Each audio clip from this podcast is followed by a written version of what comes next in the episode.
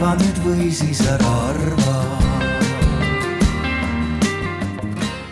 tere tulemast ka minu poolt. mina olen siis Häirekeskuse moderaator täna ja me hakkame arutlema teemal inimene versus tehnoloogia, milline väärtus on telefonikõnel Äh, kodaniku suhtlusel riigiga. ja võib-olla täpsustan ära, et häirekeskuse alla kuuluvad tõesti üks, üks, kaks ja üks, kaks, neli, seitse, aga meie tänane fookus on üks, kaks, neli, seitse. Äh, me tõstatasime muidu selle teema, et mis väärtus on telefonikõnel just äh, sellepärast, et aina enam automatiseeritakse riigiteenuseid ja see omakorda võtab siis inimestelt tööd üle. Aga kui on tegemist kriisiajaga, siis paratamatult tekib selline küsimus, et kas sellisel ajal on inimlikku kontakti rohkem vaja, ehm, näiteks siis riigi infotelefoni üks, kaks, neli, seitsme näol, mida, mida Häirekeskus pakub faktid äh, räägivad enda eest, et koroona ajal inimesed helistasid üks, kaks, neli, seitsmele ning palusid nii infot, äh, abi, andsid ise infot ning äh, küsisid ka, et vajasid vahest ka emotsionaalset tuge. sõja puhkedes Ukrainas helistasid inimesed üks, kaks, neli, seitsmele, küsisid, kas meil on pommivarjendid, kas meil on häiresignaalid ja kas sõda tuleb ka Eestisse. sellised kõned panevad paratamatult küsima et kas infotelefonina helistamine on märk siis kommunikatsiooniprobleemist või on inimhääl teisel pool toru ka märk turvatunde saamisest. ehk siis, kas tehnoloogia saaks üldse asendada inimest ja anda turvatunnet? Nendele küsimustele otsimegi järgneva pooleteise tunni jooksul vastuseid ja selleks on meil kutsutud arutlema oma valdkonna eksperdid. Äh, mul on hea meel tervitada Tartu Ülikooli käitumisteadlaste psühholoogi Andero Uusbergi. tere äh, MKM-i digiriigi arengu osakonna teenuse disaini nõuniku Joel Kotšubat. tere! ning Kadri Hansalu, kes juhtis äh, Sotsiaalministeeriumis vaktsineerimise kommunikatsiooni. tere! Väga meeldiv, et olete siin. mina olen Kadi Käppa, igapäevaselt töötan ma Häirekeskuses teenuse disainerina, aga mul on ka selline teadlase huvi antud äh, teema suhtes, nii et ma olen väga isiklikult väga põnevil, aga täna olen ma siin tõesti ainult äh, modereerija rollis. Aga enne veel, kui me arutelu alustame, ma tahaks publiku käest kerget tunnetust ka kätte saada, et teie, kes te siin olete, tahaks teil küsida kaks hästi lihtsat küsimust üks on see, et äh, kas te olete üks, kaks, neli, seitsmest varem kuulnud, et kui te olete, tõstke käsi püsti. ja ikka olete ja kas te olete ise helistanud üks, kaks, neli, seitsmele? Paar tükki on, paar tükki on, okei okay,, väga hea ähm,. aga sellegipoolest ma tahaks paar fakti Häirekeskuse ning üks, kaks, neli, seitsme kohta ikkagi jagada. et Häirekeskust tuntakse võib-olla tõesti rohkem üks, üks, kahe kaudu, ehk siis meie oleme abivajaduse korral see esimene samm inimeste jaoks, kui neil on selline situatsioon kus nad peavad kutsuma kas politsei, äh, kiirabi või pääste endale. ja mullu tehti siis umbes äh, miljon kõne meile üks, üks, kahe liinile aga viimased kaks aastat on Häirekeskus pakkunud ka siis üks, kaks, neli, seitsme teenust äh, riigi infotelefoni nime all. Ja see telefoniliin sai avatud äh, kuusteist märts aastal kaks tuhat kakskümmend. Ehk siis neli päeva pärast seda, kui eriolukord Eestis välja kuulutati. Ja see oli tingitud siis hüppelisest äh, infovajadusest kodanike poolt. Alguses oli meie esmane roll üks, üks, kahe ja pereinfoliini, perearstiliini üks, kaks, kaks, null koormuse vähendamine aga meist sai ka kiiresti maantee, keskkonna ja päästeala teemade infovahendaja ning siis ka väga oluline lüli kriisiinfo vahendamisel. kui kõnede arvudest veel natuke rääkida, siis esimesel aastal tehti üks, kaks, neli, seitsmel umbes sada kolmkümmend tuhat kõne ja teisel aastal juba umbes kolmsada kaheksakümmend tuhat kõne ehk siis mahud on päris korralikult kasvanud, kasvavad kindlasti veel, sest äh, käesoleva aasta poole aastaga oleme juba saanud sada kolmkümmend tuhat kõne. Äh, ehk siis see on täpselt sama palju kui esimese aasta peale kokku et äh, terve hulk inimesi on tegelikult olemas, kes riigiga suhtlemiseks kasutavad telefonikõne võimalust ometi on neid kanaleid tänapäeval palju rohkem, kuidas riigi käest ka siis infot kätte saada, infot jagada või siis ka abi paluda me saame riigiga suhelda nii meedia kui sotsiaalmeediakanalite kaudu, äh, veebilehekülgede kaudu, saame meili saata, saame teenindussaali ka minna äh, ja katsetatud on ka chati ja suhtlusroboteid ehk siis riigiga suhtlemisel on suhtluskanalite valik äh, üsnagi lai ja, ja sõltub väga teemast endast aga kuna häirekeskuse põhileib on ikkagi telefonikõne ning nõudlus selle suhtluskanali järgi tõepoolest on, siis ma tahaks äh, arutelu alustuseks küsida meie panelistidelt, et mis teie arvates on, on telefonikõne väärtus riigiga suhtlemisel võrreldes siis teiste kommunikatsioonikanalitega. ja Kadri, kuulan hea meelega sinu mõtteid. ja ma mõtlesin selle peale ja tegelikult äh, ma arvan, et me ei pääse telefonikõnest äh, isegi siis, kui me tahaksime seda.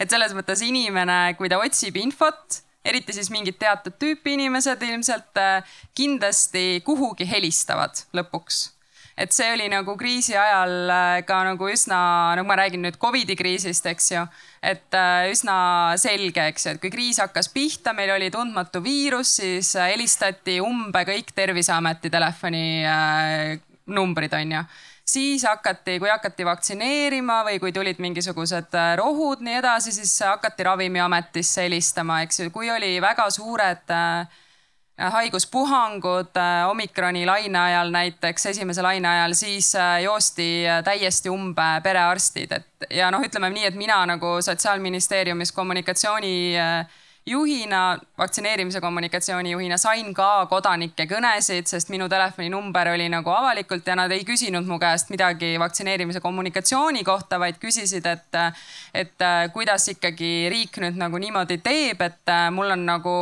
ma ei saa, inimene oli vist vaktsineerimata, ta ei saanud äh, käia üritustel, see oli see hetk, kui sa ei saanud ilma tõendita üritusele, et mul hakkavad äh, kinkekaardid aeguma ja et äh, ma, noh, kuidas te saate mulle nagu niimoodi teha, et mul läheb nagu, ma tahtsin tütrega minna kontserdile, eks ju, ja üldse on äh, igasuguseid muid probleeme oli ka. et ühesõnaga nad leiavad üles ükskõik millise telefoninumbri, et selles mõttes meie ametnikud ka ministeeriumides, igal pool mujal, kellel on avalikud telefoninumbrid, saavad neid kõnesid. küsimus ongi nüüd, et kuidas seda korraldada, noh eriti kriisiolukorras et selles mõttes äh, ma arvan, et on väga mõistlik korraldada seda keskselt kus meil on äh, võimalik tagada ka nagu realistlikult see kehtiv informatsioon, eks ju, me, see on, ma tean teema, et alati polnud võimalik tagada kõige õigemat infot, ei olnud ka üks, kaks, neli, seitsmel nagu aegsasti käes. enne jõudis see kuskil meedias ringi peale teha, eks ju. aga, aga tegelikult ikkagi toimus äh, infovahetus. ühe asja tahan veel öelda, mis oli hästi oluline kommunikatsiooni jaoks, et see infovahetus oli kahepoolne et ma ei tea, kas see hakkas päris nagu algusest peale, aga üks, kaks, neli, seitse koostas meile äh, inimeste küsimuste põhjal kokkuvõtteid. mingi hetk toimus see igapäevaselt, mingi hetk muutus see siis nädalapõhiseks, et äh, me saime infot, mis küsimused inimestel on ja selles mõttes see oli kommunikatsioonile nagu väga oluline, et me nägime, kui seal on mingid probleemkohad, et äh, väga selline ka, ka Ehm, mõlemat moodi, mõlemapoolne äh, kommunikatsioon, oluline. Võin omalt poolt kinnitada, et tõepoolest äh, meil tehti ja tehakse ikka veel väga siukseid põhjapanevaid nimekirju, et mis, mida inimesed siis küsivad ja see on tõesti väga oluline info riigi jaoks, et hea, hea meel kuulda, et see jõudis kohale. Ähm, sa mainisid, et äh, kui, kui kriisisitua-, et kriisisituatsioonis teatud tüüpi inimesed helistavad niikuinii, ehk siis kas sa julged öelda, et kui kriisisituatsioonis võtta telefonikõne võimalus täiesti ära, et siis oleks, mis, mis siis juhtuks? sa ei saa seda ära võtta, mis sa siis teed, paned telefoniliinid kinni või? et selles mõttes see on võib-olla politsei võimekus, eks ju, mingid mastid kinni keerata, et, et äh, aga noh, nad helistavad niikuinii, et sa ei saa seda ära võtta, et äh, ilmselt noh, inimesed äh, võib-olla siis tüdinevad kiiremini, kui lihtsalt ei, telefonid on kinni, annavad kinnist tooni, eks ju, aga noh, see ei ole, siis nad ju lähevad vihaseks, eks ju, kui nad ei saa infot, siis nad lähevad vihaseks ja vihane kodanik ei ole, ma arvan, äh, see, mida me tahame, eks ju, eriti kriisiolukorras. absoluutselt, aitäh. Andero, mis on, mis väärtus on telefonikõnel äh, sinu jaoks? mina siis saan vastata neile küsimustele ühelt poolt psühholoogiateaduse vinklist. Äh, aga võib-olla mainin selle ka ära, et teiselt poolt läbi, läbi siis ka hiljutise kogemuse sellesama koroonakriisi äh, ajast, kui ma tegutsesin teadusnõukojas ja ma lihtsalt jäin, jäin Kadrit kuulama, et, et inimesed leidsid väga palju numbreid üles, et minu numbrit õnneks ei olnud avalikult väljas, küll aga leidis minu numbri üles minu ema. nii et ma, mul on nagu, ma kujutan nagu enam-vähem ette võib-olla neid küsimusi äh, ja, ja seda, et tema kõnede arvu alusel võis anda hinnangu sellele, et kui hästi on õnnestunud riigi poolt selle järjekordse nagu muudatuse sõnastus, et, et kui, kui ema ei helistanud, siis oli muudatus selge ja kui helistas, siis, siis võib-olla tahtis inimene veel nagu üle küsida.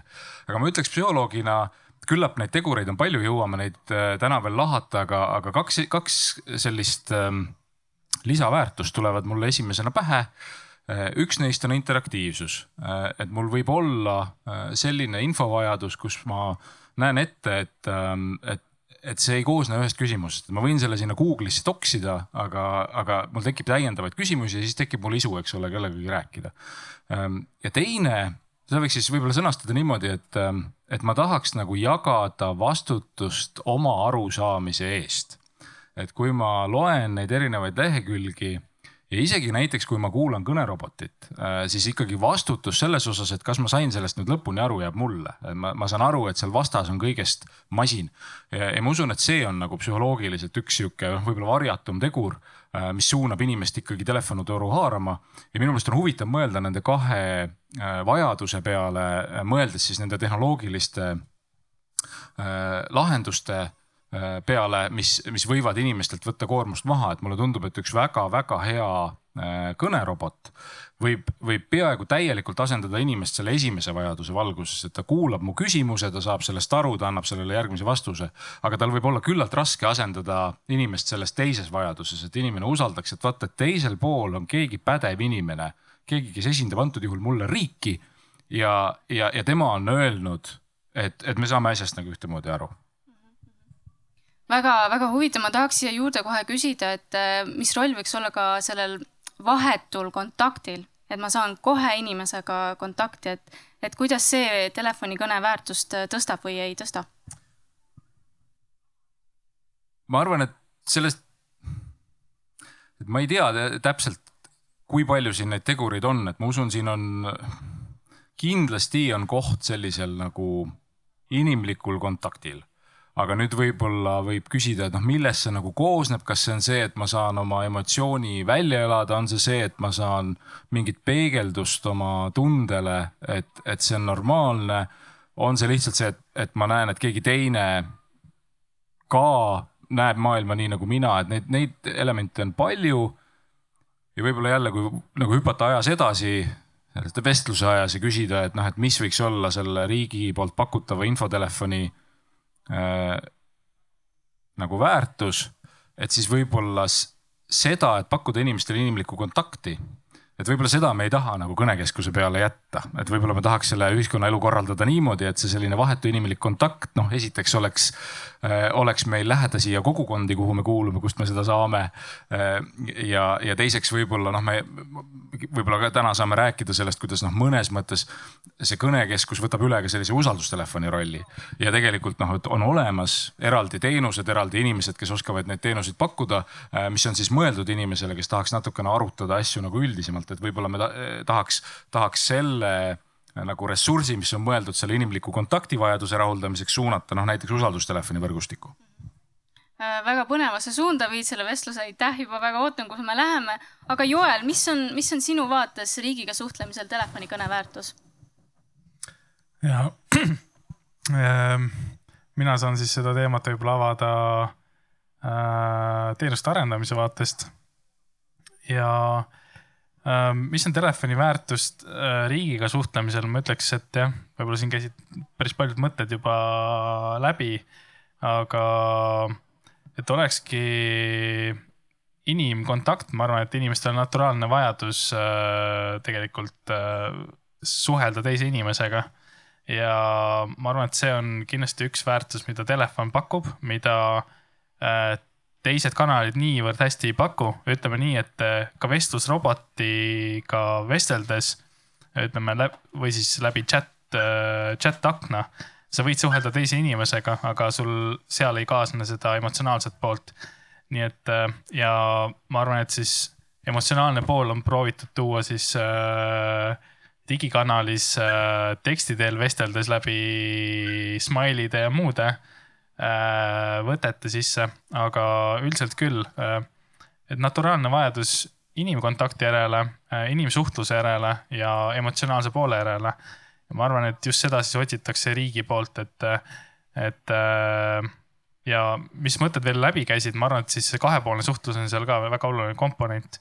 et äh, riik äh, kommunikeerib väga palju ühepoolselt, aga seal on võib-olla just eriti kriisisituatsioonis vaja seda kahepoolselt teha. see oli jah, üks ma küsiks siia juurde, et kuivõrd praegu, kui, kui, kui palju sa tead muidugi, aga kuivõrd praegu arvestatakse selle elemendiga, et, et see inimliku kontakti vajadus või siis see kahepoolse suhtluse äh, võimaluse tekitamine, et äh, kuivõrd see on praegu osa nii-öelda digiriigi arengust? Ja see on hea küsimus. ma arvan, et digiriigi arengus pööratakse sellele väga vähe tähelepanu. Äh, see on isegi teema, mida me oleme tõstatanud viimasel poolaastal nii-öelda ühe projekti raames ülesse. aga ma ütleks, et ka mitte ainult digiriigi vaatest, aga riigi kommunikatsiooni vaatest pööratakse sellele vähe tähelepanu või isegi teadlikult pööratakse sellele, väga teadlikult pööratakse sellele vähe tähelepanu, et äh, ma arvan, et see vestlusteema laieneb selle koha pealt sellele, et äh, kuidas riik peaks kodanikuga suhtlema ja ja muidugi ka oleneb suhtlusolukorrast. kriisisituatsioonil on seal kindlasti omad reeglid. nii et äh, seal riigi kui võib-olla, et natukene autoriteetse äh, autoriteetsema nii-öelda rolli kehtestamine kriisisituatsioonis ja võib-olla rahustava rolli äh, nii-öelda, nii-öelda siis äh, äh, omandamine on, on vaata et väga oluline, kui kodanik siis väga emotsionaalselt äh, pöördub äh, riigi poole, aga et, et just, et oleks siis teenindajatel või inimestel see treening ja valmidus tegelikult selliste olukordadega tegeleda. Aga siin on jah see küsimus, et kas riik peab emotsionaalselt suhtlema? see on väga hea küsimus. Ander, palun. ja ma peaaegu, et sellele küsimusele vastangi, et ma jäin mõtlema selle üle, et kas ma olen nõus selle väitega, et et see selline emotsionaalne kontakt on võimalik vaid vahetussuhtluses teise inimesega. ja kindlasti on äh, tõsi see, et, et miski ei asenda täiemõõduliselt seda emotsionaalset kontakti, aga samas minu meelest me võime hakata võtma juppideks seda, mida me nimetame emotsionaalseks kontaktiks, küsima, et noh, millest see koosneb minu kui kodaniku vaatest. ja mulle tundub, et siin on jälle vähemalt kaks asja, mis ma julgeks välja tuua, et üks on see, et ma saan aru, et sa saad minust aru ja teine on see, et mul on tunne, et sa ei mõista mind hukka või et sa aktsepteerid seda, milline ma olen. ja mulle tundub, et need mõlemad asjad saab teksti panna, et kui me kujutame ette, et, et, et milline on see tekst, mis ootab inimest kriis.ee lehel et siis, siis seal on võimalik sõnastada seda teksti niimoodi, et ta kõnetab inimene, et inimene tunneb ära, et ahah, et, et siin ei eeldata, et minu jaoks on kõik selge, näiteks, et, et tekst on üles ehitatud niimoodi, et on normaalne, et ma ei saa aru, inimesed ei pane pahaks, et ma ei saa aru. või et tekst ei ole üles ehitatud niimoodi, et ei eeldata, et äh, noh, jälle minul on selle tervisekriisiga nagu rohkem kokkupuuteid, et, et sageli mulle tundub, et, et selline eksperti poolt tulev sõnum tervisekriisis võttis selle kuju, et me eeldame, et te kõik olete muster tervisekäitujad, et te, te mitte kunagi ei ei nuuska ma ei tea, põõsasse või et ei aevasta nii, et ei pane kätt suu ette või te mitte kunagi kodunt ei lahku, kui teil on palavik. ja enamus inimesi ei ole sellised, me teame, see on illusioon, et loomulikult me kõik oleme käinud tööl, kui meil on palavik. ja, ja et, et, et ka siin on need kohad, kus riik nagu ka täiesti teistes kanalites saab äh, seda niisugust emotsionaalset kontakti nagu ehitada. Aitäh, Kadri, ma paratamatult tahan pärida tilgitaguste kohta et äh, kuivõrd see, see emotsionaalne pool või see kahepoolne suhtluse vajadus, kuivõrd see mängis äh, rolli, oli, oli vestlustes nagu kaasas äh, kriisi ajal kommunikatsiooni juhtides? Ja et Anderolt olen ka mina saanud tagasisidet, et kuule, et äkki peaks selle teksti ikka üle käima, et kas riik tahab niimoodi riigiga, inimestega suhelda, et kas nad saavad aru. ja see on väga õigustatud tagasiside ja mulle tundubki, et kui näiteks organisatsioonidel on äh, mingi brändiraamatus tavaliselt või nagu brändi loomise juures on, eks ju, see, et sa äh, nagu määrad, kuidas me oma klientidega räägime, meil on tone of voice on, on ju. et äh, riigi poolt äh, ma ei tea, kas sellest on nagu eriti kunagi räägitud, mina selle, selliseid arutelusid ei kuulnud, aga äh, eeldatakse kuidagi, et peab olema ametlik, et riigipoolne suhtlus peab olema kuidagi selline nagu tõsiseltvõetav, eks ju, ta ei tohi olla kantseliitlikkust ei taheta, selles mõttes, selles on selge, on ju, et ta peab olema arusaadav, aga ta peab olema kuidagi hästi selge ja pigem nagu vähe emotsionaalne mulle nagu tundus, ma nagu see oli see, mida ma tajusin äh, sinna sulandudes äh, meeskonda. et äh, kas see peaks olema teistsugune, et ilmselt oleneb täpselt olukorrast, oleneb sellest infost ilmselt näiteks noh, sama vaktsineerimise näitel, eks ju, et kui mina oma meeskonnaga liitusin vaktsineerimise kommunikatsiooniga eelmise aasta detsembris, eks ju, et siis me tegelikult uue aasta algusest lõimegi näiteks sotsiaalmeediakanalid, eks ju. sellepärast, et me tundsime, et vaktsineerimisel on eraldi vaja olla äh, sotsiaalmeedias, kus toimuvad need tegelikult arutelud et seal oli loomulikult selline nagu ametlik info, Terviseamet andis nagu mingisuguseid äh, teateid, eks ju, poliitikud rääkisid midagi, teadusnõukoja liikmed rääkisid, aga me tahtsime olla seal nagu sellisel inimesele arusaadaval moel. me hakkasime tegema videoid, kus me seletasime lahti, kuidas, ma ei tea, äh, vaktsiinid toimivad, tegime nagu animatsioone, suhtlesime inimesega sellisel äh, kahepoolselt, selles mõttes võtsime ka tagasisidet, eks ju, mis asi toimib, mis levib, millest saadakse aru, millest ei saada. vastasime, hakkasime kirjadele vastama, sest meile tuli, hakkas tulema Facebooki päris palju äh, kirju. et äh, vastasime neile ka nii inimlikult, kui nagu oskasime, et äh, selles mõttes jah, me pidasime vajalikuks seda kahepoolset suhtlust tekitada. miks seda ei tehtud varem? Ma, üks asi, mille kindlasti võib selle kriisi kohta öelda, et see on ikka üks täielik, oli ikka täiesti pöörane kriis, et äh, seda, ma arvan, võib võrrelda ainult äh, sõjaga ja sõjaga, mis toimub sinu enda riigi territooriumil, et äh, see, et iga inimese nagu liikumisvabadus on põhimõtteliselt piiratud äh,, nii edasi, et tema tervis, lähedaste tervis on puudutatud. et äh, palju asju, mida võib-olla oleks võinud teha põhjalikumalt, läbimõeldumalt, aga selleks ju ei olnud aega ega ressurssi sageli, et nii lihtsalt on. Kriis jah, ei hüüa tulles. aga aitäh teile praegu nende mõtete eest, hoidke nendest headest mõtetest kinni, sest ma tahaks praegu minna laiemast teemast konkreetsemaks. Ja puudutada just nimelt seda valupunkti, mida me oma teemapüstituses ka tõstatasime, ehk siis mis väärtus on telefonikõnel Äh, riigiga suhtlemisel ja et seda arutelu veelgi mahlasemaks teha, et ainult meid ei kuula. Äh, me kavatseme teiega jagada täna kolme päriselus tehtud kõne üks, kaks, neli, seitsme telefoniliinile. Äh, ma ütleks igaks juhuks ka seda, et ähm, need kõned, mis me oleme arutelu jaoks valinud, et nad on ainult tükike nendest kõnedest, mida me iga päev saame. Eh, ehk siis nad ei ilmesta kõiki neid kõnesid, mis üks, kaks, neli saab. Eh, küll aga on tegemist kõnedega, mille laadseid me oleme saanud ikkagi üsna palju, ehk siis nad on kujunenud omaette sellisteks tüpaažidest, tüpaažideks ehk siis eh, nad väärivad omaette sellist arutelu ja esimene kõne, mida me soovime teil kuulata lasta, on kõne, mis ilmestab seda, kuidas inimene helistab üks, kaks, neli, seitsmele ning otsib võib-olla siis teist inimest, kes aitaks talle koroonapandeemia piiranguid tema situatsioonile vastavalt siis tõlgendada ja võib-olla etteruttavalt ütlen ka ära nii palju, et teil tekib suure tõenäosusega tunne, et no küll see on üks pikk kõne ja võib-olla teil hakkab lausa natukene igav.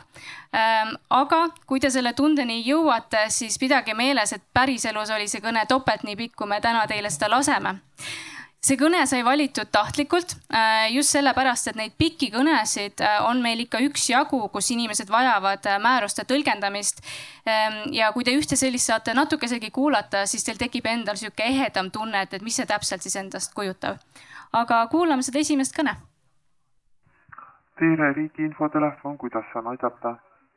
tervist, mul tekkis selline küsimus seoses selle Covidiga, et ma ise olen mm, Covid positiivne hetkel ja jäin kohe koju ja kõik äh, ja lapsed on ka kodus ja nüüd noh, mina jäin esimesena, nüüd järjest jäävad lapsed, noh, teeme siin teste, eks ju, ja, ja et kuidas siis on, kui minul saab nagu teisipäeval see kümme päeva põhimõtteliselt täis mm. -hmm. et kas siis mina võin tööle minna, aga kui mul on lapsed haiged kodus, kas ma ei vii ka töökaaslastele seda viirust siis või? Te olete ise vaktsineeritud ka?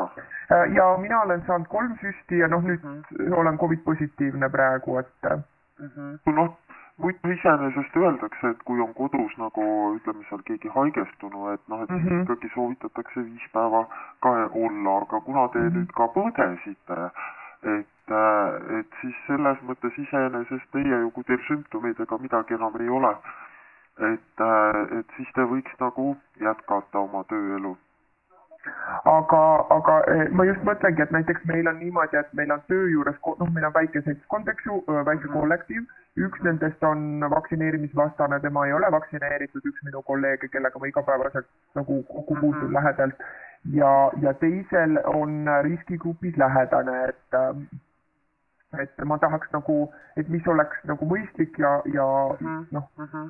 et kuidas ma peaks käituma, et okei okay,, mul on tegelikult üks laps on sellises vanuses, kellega saab veel hooldus lehte nagu noh, pikemalt olla, et ega ma esimese klassi last siia koolivaheaeg on ka, ega ma teda siia üksi koju iseenesest nagunii hea meelega ei jäta, eks ju, ta on väike ka veel, et et ja noh, soovitatakse ka tegelikult, ütleme, kui teil keegi jälle seal haigestub, et nagu viis päeva kodus olla et mm. ma just seda mõtlengi, et ma nagu lugesin seda, et mm. justkui äh, noh, et, et kuidas see, ma, sellest ei saagi aru, et kuidas see siis justkui nagu mul ei ole kohustust, mul sai kümme päeva täis, ma võiks nagu ja see nagu, see ongi nüüd teie enda otsustada. just, et mul nagu, mul tekib mure, et kui mina käin nagu äh, siis oma haigete laste, kes järjest praegu nagu haigestuvad, on ju mm, -hmm. et ähm, üks varem ja nüüd järgmine ja noh, ilmselt saab ka kõik kolm tükki nüüd lõpuks selle kätte, kui me siin ühes majapidamises elame mm. -hmm. et, et kuidas siis, et kui mina hakkan käima kontorivahet, eks ju, kus on vaktsineerimata inimene ja on veel nagu riskigrupis lähedasega,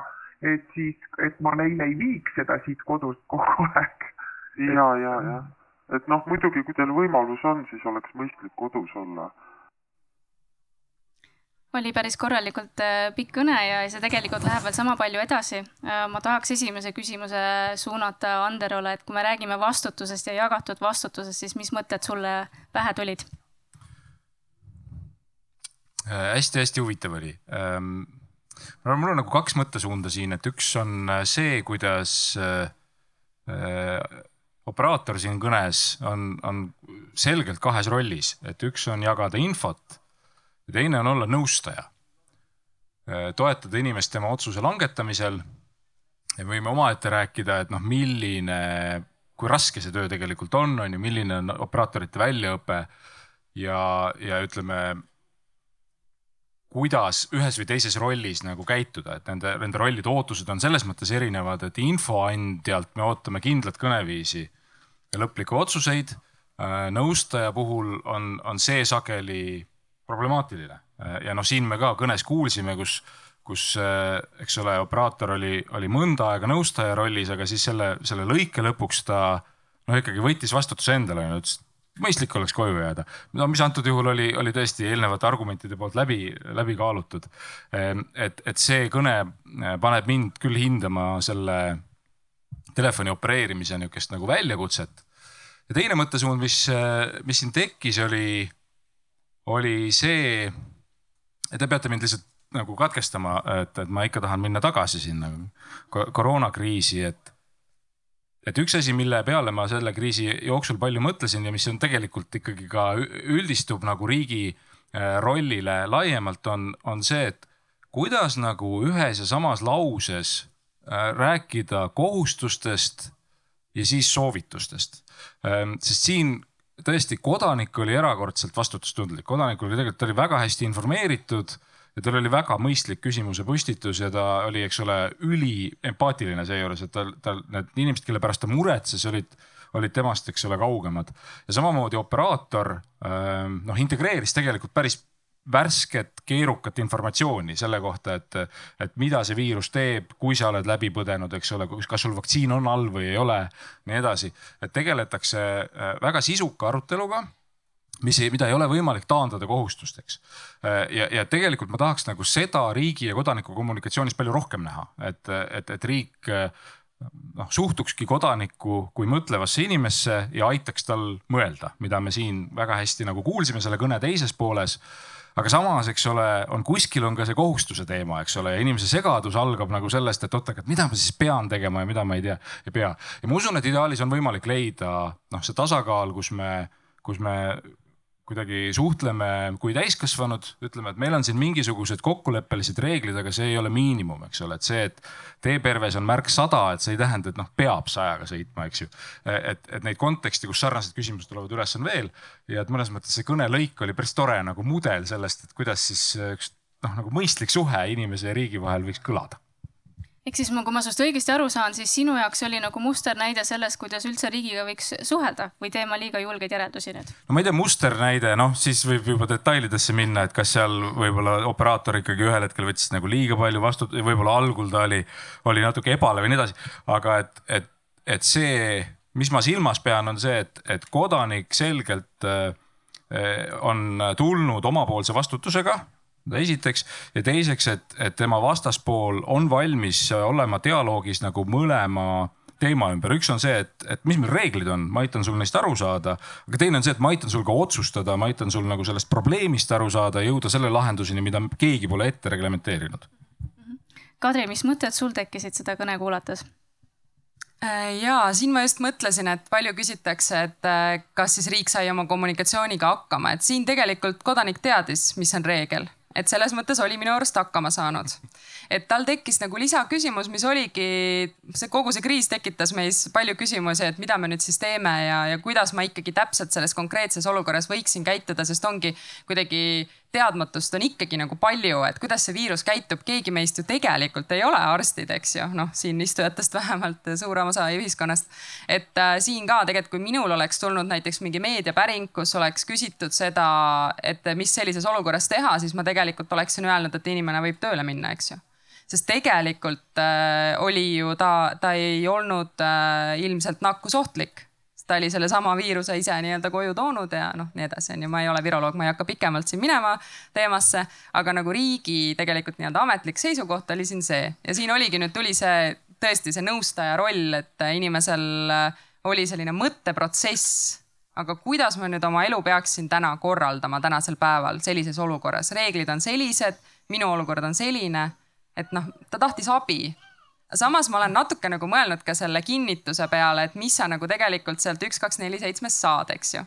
sa saad nagu põhimõtteliselt selle info, sa saad selle toe siis vastavalt selle operaatori nagu võimekusele. aga noh, tegelikult see ju ei tähenda, et äh, ei või minna kuidagi teisiti või noh, ma näiteks mõtlen, et kui inimesed küsisid kindlasti palju näiteks äh, reisimise korral on ju, et igasugune see tõenditega seotud äh, teema, et siis tekkis küsimus, et ah oh,, ma ei saa nagu ma ei ole sada protsenti kindel, kas ma saan infost õigesti aru, ma helistan üks, kaks, neli, seitse, küsin riigilt ära, eks ju.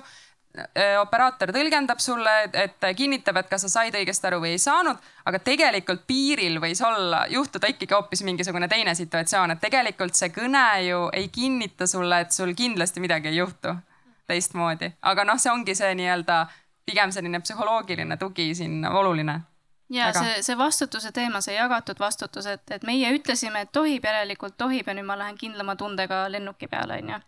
ma tahaks küsida, et millised äh, need kriisikommunikatsiooni nii-öelda põhimõtted olid, et kas te oskasite, noh, see on nüüd natuke suunav küsimus, küsin ümber, et äh, kas te kas selline asi, et me, et eesliini töötajad võiksid nõustaja rolli sattuda, et, et kas te nägite seda kuidagi ette, kas te ise kogesite seda, et äh, mis mõtted selle peale tulevad? See, äh, ma ei olnud muidugi päris kriisi alguses asja juures, nagu ma ütlesin, ma liitusin eelmise aasta lõpus alles. Äh, küll aga äh, väga keeruline oli seda infot nii-öelda selles mõttes juhtida, et kõikidel inimestel vähemalt selleks ajaks oli tekkinud juba oma arusaam koroonakriisist, äh, vaktsineerimise vajalikkusest või mitte, eks ju. et noh, kui me nüüd nagu, mida me peame siin eesliiniks, et kui sa mõtled nüüd just opera-, kas sa mõtlesid operaatoreid? jah, mõtlesin küll. okei okay,, siis ma mõtlen kohe selle peale ümber, siis ma läksin juba perearstide ja politsei ja erinevate muude eesliinide juurde. kes on ka eesliin, jah. ja et äh, aga operaator on ikkagi selles mõttes, tal on sõnumid ees, eks ju, aga seal oli ka kommunikatsiooniga selles mõttes muidugi probleeme, et info liikus nii nii kiiresti, et ta ei jõudnud alati õigele, õigeks hetkeks ka operaatoriteni, et aga, aga sellega muidugi tegeleti kogu aeg ja ma arvan, et äh, on tänaseks juba natuke parem mm. -hmm. on. Äh, aitäh, Kadri. Ähm, Joel, ma tahaks sinu käest küsida, et äh, kas, kui me riigiteenuseid arendame või siis digiriigi teenuseid ja nähtamatud teenused, et ähm, äh, kas, kas selline nõustamise roll võiks sinna olla sisse disainitud või, või oleks see juba samm liiga kaugele? tulles tagasi selle küsimuse juurde, kas riik peaks olema ka emotsionaalne selles mõttes? ja võib-olla lisan paar kommentaari ja. selle eelmise küsimuse juurde juurde, siis ma tulen selle pointi juurde ka, mis on natuke äkki omavahel seotud. et äh, tundus jah, et selles äh, kõnes äh, see ühest küljest me ei suuda kunagi, me ei suuda nii palju infot tekstina ette anda mingit määrust või reeglistikku nagu luues, et see vastaks kõikide inimeste küsimustele ära, et seal tekib ikkagist seda hallala, neid kohti, kus kohas tegelikult tuleb hakata tegelema nagu mõtlemisega, eks ole, mõtlemistegevusega. ja ma arvan, et see on äh, Andero selle kommentaari puhul ka hästi nagu, hästi oluline tähele panna, et, et hea näide sellest, kuidas võiks riik kodanikuga suhelda. Ma isiklikult olen kogenud äh, ja kindlasti paljud on kogenud väga palju seda äh, musternäidist, et äh, kus see kommunikatsioon on pigem ühepoolne ja siis seda infot jagab ja kuskohast nagu kas ei ole voli või ei ole julgust tegelikult noh, kaugemale liikuda, et et äh, isegi kui inimene küsib empaatiliselt mingi küsimuse, siis tegelikult vastus on ikkagist äh, reeglipäraselt üks ja sama ja ta ei jõua tegelikult selle vastuseni. Nii et selles mõttes oli tõepoolest nagu väga hea näide, eks ju, iseasi, et äh, kuidas seda kõike juhtida ja kas ja, ja, ja kas seda nõustamisteenust äh,, kuidas sellist rolli üldse üles ehitada Äh, ja siis teine point on selles, et, et selles vestluses tuli justkui välja, et tegelikult see vestlus liikus käitumis, kuidas öelda, käitumisnormi teema juurde, et kuidas me üldse võiksime siis ühiskonnana toimida sellises olukorras. Ja see oli, ja see põhines tegelikult inim, inimvaheliste kokkulepete alusel. et isegi kui ja käitumisnormi tegelikult saab kujundada ja tehnoloogia on selleks väga kõva nagu abivahend ja tööriist. seda saab üles-alla suruda, eks ole, mingit käitumisrolli kujundada ja sellega saab kogu ühiskonda nagu kujundada ka. et noh, ja seda me teame, et äh, tegelikult ka nagu suured siuksed tehnoloogilised äh, vahendid, et siis kas siis äh, ettenägematul kujul nagu Facebook, eks ju, on muutunud ka käitumisnormi kujundamise üheks tööriistaks nii et see on nagu selline laiem temaatika, et äh, kuidas tehnoloogia võib olla nagu üks abivahend käitumisrolli kujundamiseks, aga selles vestluses me nägime head musta näiteks, kuidas see käitumisnormi kujundamine ikkagist toimub nagu inimeselt inimesega suhtlusel, mis tegelikult võikski olla ju nii. Et seal see asutuste või selle autoritaarsuse nagu selline kiht nagu justkui läks nagu vahelt ära ja minu meelest see oli nagu väga inimlik ja ilus nagu selle vestluse juures, eks ju. nüüd liikudes digiteenuste juurde. et äh, kas siis digiteenused võiksid pakkuda sellist nõustavat, äh, nõustavat äh, rolli nagu sellisel moel. ma arvan, et just, et see tasand, millele ma viitasin käitumisnormi ümber, mis võiks inimeselt inimesele olla. Seal on niivõrd tugev inimlik aspekt juures, et noh, ma isegi ei julgeks öelda, et, et, et teatud kihis äh, nagu see, see võlu kaob seal ära isegi siis, kui keegi püüaks mingit käitumisnormi peale suruda. et, äh, et see neutraalne või see võrdne nagu suhtlustasand on seal niivõrd oluline. seal, sellest vaatest, noh, ma ei näe, et tehnoloogia nagu saaks just seda osa pakkuda. küll aga, kus tehnoloogia võiks olla ja digiteenused võiksid äh, ja täna juba loovad suurt väärtust, on see, et nõustajatele pakkuda vajalikku infot. Sest et see on see tugiteenus või see on see infosüsteemi platvorm, mida ka need nõustajad kasutavad selleks, et äh, selles kompleksses infos navigeerida. Ja alati, kui tuleb uut infot peale, nad saavad seal, äh, seal seda infot juurde, nii et ta on kindlasti abivahend ja tööriist. Ja noh, ma arvan, et see on nagu see primaarne vahend, et äh, mida, mida siis äh, äh, nii-öelda nõustajale või siis ka infoliini töötajale saab pakkuda ja, ja küsimus on selles, kui hästi see tööle panna äh,. jah. see on väga huvitav point tõepoolest, et, et kas, mitte kas, vaid et, et see tehnoloogia kui sihuke saab töötada seda inimest, kes peab topelt või kahte mütsi korraga kandma. et ühtepidi sa pead andma ametlikku informatsiooni ja teistpidi sa pead olema see inimene sealjuures ja aitama siis kaasa mõelda ja, ja tegeleda selle situatsiooniga millega see inimene siis nagu nõu vajab. ja niimoodi see üks, kaks, neli, seitsmes muidugi ka praegu on, aga, aga tehnoloogia areneb ka kogu aeg ja saab seda aina, aina paremaks teha, mis on, nüüd ma lähen juba oma, oma töövaldkonna juurde, aga las see siis praegu jääb ehm,. Mul on ja. küsimus. jaa, palun. selle koha pealt, et ähm, ma jäin mõtlema selle peale, et mida, mida riik siin saab teha selleks, et esile kutsuda seda nagu spontaanset normi teket. mulle õudselt see mõte meeldib, minu meelest ka, see on täpselt see ressurss, mida meil on vaja.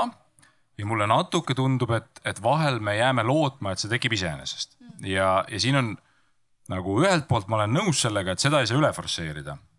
Aga teiselt poolt tekib mul küsimus, et, et noh, et, et kas me saame seda kuidagi nagu juhtida ja katalüüsida. Ja siis üks asi, mida ma olen kujutanud ette, mis võiks aidata ja ma jõuan kohe küsimuseni ka, on, äh, on needsamad sellised nagu äh, probleemist mõtlemise ja abivahendid. See algab lihtsalt sellest, et kuskil on minu jaoks arusaadav info näiteks sellest, et, et äh, millistes olukordades on kõige ohtlikum tulen jälle koroonaviiruse näite juurde, et, et kus ta kõige tõenäolisemalt levib, eks ole, et, et, et on, olukorrad ei ole selles osas võrdsed, avalik ruum ei ole selles osas võrdne, et kui ta on kinnine ruum, kus on palju inimesi pikalt koos olnud, siis seal on üks oht, eks ole. et, et mul on mingisugune selline info näiteks ja siis sealt edasi ma kujutan ette, et, et noh, võib-olla teatud määral saaks seda, mida me selles kõnes kuulsime, noh näiteks lahendada sellise otsustuspuuna, et sul on nagu neli-viis küsimust, vastad sellele jah, tuleb järgmine küsimus. ja siis siin ma jõuan selle küsimuseni, et, et mulle tundub, et kas see on näiteks üks tehniline, tehnoloogiline abivahend, mis on äh, kõnekeskuse operaatoritel, et neil on, neil on mingi selline nii-öelda otsustuspuu. ja, ja küsimus on see, et kas siin näiteks võiks olla sünergiat, et, et seesama otsustuspuu mis töötatakse välja vahetult üks, kaks, neli, seitsme operaatorite jaoks ja nende tagasiside toel. ühel hetkel saab sellise vormi, et on ka kuskil kodulehel niimoodi, et ma saan ise klikkida ja ta läbi teha, eks ju ja teatud kujul ta tegelikult juba olemas on mm, -hmm. aga nagu ma ütlesin, alati saab paremini, alati saab kiiremini, alati saab palju kasutajasõbralikumalt äh,. ja muidugi huvitav on üks, kaks, neli, seitsme puhul see, et ja eriti kui kriisid on, siis ega meil seda infot kohe võtta ei ole ka, onju, et kui satub olema see ajaaken, kus meil veel ei ole infot, siis ega see otsustuspuu naljalt ei aita kahjuks, onju. Äh, aga et tõesti, kui juba need sõnumid ja määrused ja see info nagu läbi seeditud äh, õigete inimeste poolt, siis tõepoolest see otsustuspuu aitab väga palju ja siis sa saadki niimoodi mõistlikult kaasa rääkida, onju. aga kui kriis tuleb nüüd kohe, siis äh, kõik me noh, siblime ja üritame aru saada, et mis üldse toimub, onju. et äh, Kadri kindlasti saab siia juurde rääkida, et kui, kui kiiresti või aeglaselt see, see info liikuda sai või, või jah, kommenteerid natuke jällegi ma päris alguse aegadest ei oska rääkida, aga minu ajal need äh, selles mõttes äh, otsused äh, sündisid lihtsalt väga sageli näiteks ka valitsuse istungitel et äh, selles mõttes ei olnudki nagu võimalik äh, päris lõpuni neid sõnumeid nii-öelda ette valmistada, et noh, ideaalne olukord oleks ju selline, et kus me nagu, me oleksime juba läbi mõelnud, et kuidas täpselt saab olema, siis me paneksime juba sõnumid paika, jagaksime juba võib-olla isegi, ma ei tea, testiksime sõnastusi siis äh, jagame nagu kommunikatsioonikanalitele juba välja nagu tutvumiseks ja siis, kui see otsus tuleb, eks ju, et siis me nagu läheme sellega laivi. Noh, kas te kujutate ette, et sellist olukorda kordagi oleks olnud, eks ju, noh, tegelikult ei olnud, sellepärast et lõpuni tegelikult ei olnud teada, milline see otsus täpselt saab olema. Ja noh, selles mõttes, et äh, need, ka see, et meil oli isegi ametnike koostatud nagu paberid valmisid ka sageli eelneval ööl lõppsõnastus ja ka see sõnastus võis tegelikult valitsuses veel muutuda. see ei olnud päris iga asjaga niimoodi, aga noh, paljude kiirete asjadega oli, et, et siis tegelikult ei olnud võimalik seda kiiremini valmis sõnastada ja, ja see on see paratamatu telgitaguse reaalsus on ju, eh, mida siis meie inimesed saavad ka siis välja kommunikeerida, et, et otsustuspuu antud juhul siis väga ei aita ja tegelikult noh, see erandite küsimus oli ikkagi täiesti igapäevane, et noh, riigi, riigikantselei sai küll nagu ikka kõvasti tegeleda nende küsimustega, mida te sealt üks, kaks, neli, seitsmest edastasite mm. -hmm. ja siis eh, noh, mingite piirangute tõlgendamiseks näiteks, eks ju, et noh, seal olid ka näiteks need mingisugused talvised, eks ju piirangud, et äh, kas sa tohid äh, näiteks uisuplats, et kas see on nagu kinnine või mitte, eks ju, et noh, et kas sa pead seal tõendi esitama või mitte.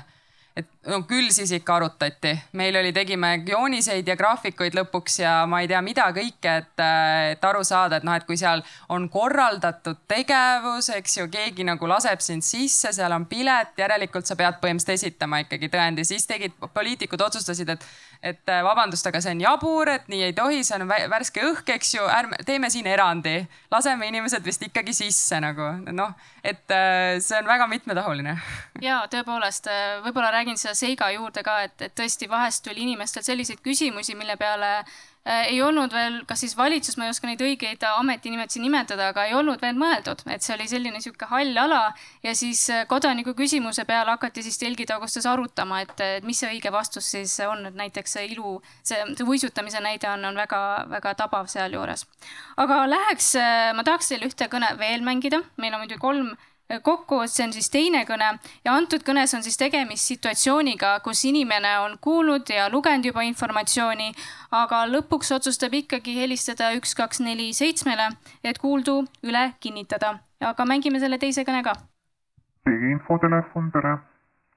tere, äh, selline küsimus koroonaviiruse kohta, et äh, kas see isolatsiooni kalkulaator Eesti Perearstide Seltsi tehtud, kas see endiselt vastab tõele, et äh, et seal on siis see, et kui test on tehtud, on positiivne, siis alles kümne päeva pärast. jaa, see õige.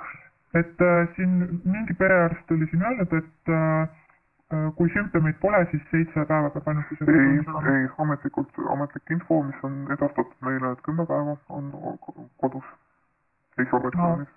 kus ma leian täpselt selle kirjaliku info, kas äh...? Terviseameti, Terviseameti leheküljel kriis.ee. nii, ma vaatan kohe kriis.ee. nii, kõik hetkel kehtivad piirangud siis äkki või? aa, lähikontaktsed on seitse päeva isolatsioonis. jah, täpselt, jah. okei, selge, selge. okei, aitäh. kõike head see on hästi huvitav kõne minu meelest just sellepärast, et siin on väga mitu äh, mängijat mängus nii-öelda, et siin on ühtepidi perearst, kelle käest on midagi kuuldud, siis ta on ise midagi lugenud, siis ta helistab üks, kaks, neli, seitsmele, et veel midagi kuulda ja siis ta palub infot, et kus ma veel saaksin mingit infot leida. siis siin on väga-väga palju tegureid ja hakkame siis mingist otsast äh, pihta seda harutama. et ähm, mina ütleks, et selle kõne eesmärk on kinnitust otsida. Äh, Andero, kuidas sulle tundub? no siin võib psühholoogiliselt veel ühe niimoodi vindi peale keerata, et ähm, et sageli või ütleme, et alati on meil vajadus maailmast aru saada ja, ja kinnituse otsimine on nagu selle vajaduse toitmine. aga vahetevahel äh, on niimoodi, et kui meil on mitu erinevat hüpoteesi selle kohta, milline see maailm on, et siis mõni meeldib meile rohkem kui teine ja mulle tundub, et siin oli see, et, et inimene ilmselgelt oleks tahtnud uskuda seda versiooni, et on seitse päeva. ja, ja et küsimus ei olnud selles lihtsalt, et ma ei tea, öelge mulle, kuidas on, vaid küsimus oli selles, et kas tõesti ei ole seitse, et ma kuskilt kuulsin, et on seitse. et see kinnituse otsimine sai siin selle väikse vindi veel juurde ehk siis äh, laveerime erinevate infoväljade vahel, et võib-olla sõbranna veel ütles midagi, võib-olla on kusagilt kuulnud midagi poole kõrvaga, et. ja et need erinevad versioonid ei ole võrdse väärtusega minu jaoks, et mulle meeldib üks nendest versioonidest rohkem, et sellisel juhul meie tunnetus muutub ja see on iseenesest noh, väga huvitav valdkond, mis seletab seda, kuidas inimesed äh, sageli tunnetavad maailma noh, nagu vildakalt. et, et, et üks või teine seletus meeldib meile mõnikord on meie, meie vajadustega, meie soovide, meie väärtustega, eks ju, meie identiteediga rohkem kooskõlas ja siit tuleb kõik sihuke valikuline infotöötlus ja nii edasi.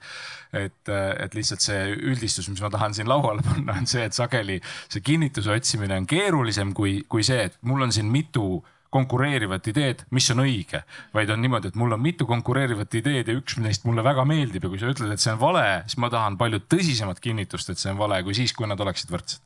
kust saab kirjalikult näha, eks ju. kas riigi infotelefon peaks sellise, sellise otstarbe jaoks olemas olema? no ta ilmselgelt on ega ta ei pääse sellest, aga jah, et kas sellele just optimeerida, seda ma ei oska öelda olgu, aitäh. Ehm, Kadri, äh, koroonat puudutava kommunikatsiooni vaates, et kas kinnituse otsimine sellisel kujul või kasvõi see psühholoogiline perspektiiv siia juurde, et, et kas see on sinu jaoks märk kommunikatsiooni probleemist või ikkagi turvatunde otsimisest või selle, ma tahan just seda vastust kuulda otsimisest? Äh, minu, no mind veenis praegu Andero äh, analüüs sellest üldiselt, aga jällegi, et, äh, et küsimus on ka selles, et noh, et et ta ei teadnud tegelikult, kus seda kirjalikult otsida, onju. mina, minu kõrv jäi nagu sinna ka korraks, onju. et okei okay,, ilmselt ta teadis aadressi kriis.ee sellepärast, et ta selle kohe nagu nii-öelda võttis vastu, onju, et ahah, see koht, okei okay,, ma vaatan sealt.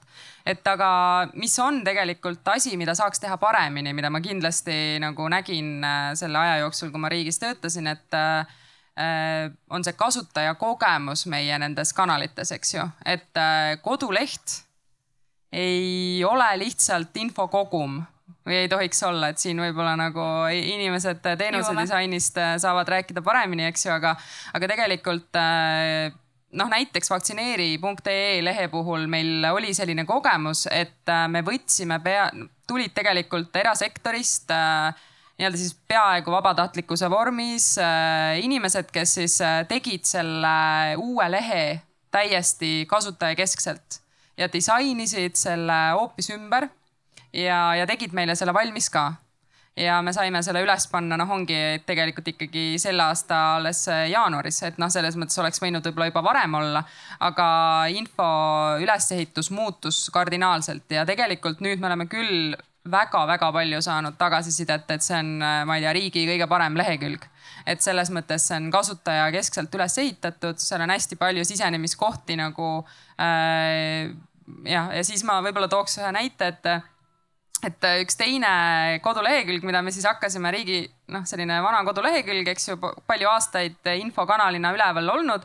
hakkasime vaatama, analüüsima, et äkki teeks selle ümber, et mida siis kõige rohkem, kust inimesed sisse lähevad, et mis need sisenemiskohad on, mis see statistika on, tegelikult on ju Google Analytics igal pool küljes. siis selle lehekülje omanikud ütlesid, et, e, et KKK on üks kõige nagu külastatum koht, eks, et see peab kindlasti jääma. Ja siis ma nagu küsisin seal niimoodi, et aga mis te arvate, et kui KKK on kõige külastatum, et äkki nad inimesed ei leidnud infot ülesse ja siis läksid vaatama, et kas äkki kellelgi teine, teisel oli ka see probleem, eks ju. et kas see äkki näitab, et meie info ei ole väga hästi esitatud. et väga palju on siin teha, et noh, kriis.ee lehekülg on nagu niivõrd keeruline, et seal on nüüd juba kolm kriisi vist koos või ma ei tea, et noh, seal on nagu ka kindlasti äh, väga suur väljakutse selle nagu kasutajamugavuse või navigeerimise ülesehitus aitäh selle märksõna eest, kasutajasõbralikkus ja kasutajakesksus ja seda ma kasutan, et siis Joeli poole pöörduda. et äh, räägitakse teenuse disainis, et kui telefoniliinidest tuleb palju kõnesid, siis kusagil on ilmselt kala maetud ja antud juhul, kus siis kala võiks olla maetud ja, ja mis me peaks selle peale tegema? Äh, see on väga jah, suur küsimus, et äh, kus see kala maetud on, kindlasti väga paljudes kohtades. aga tõepoolest jah, tavaliselt on tüüpprobleem see, et kas inimene ei leia infot üles või, või ta ei viitsi otsida.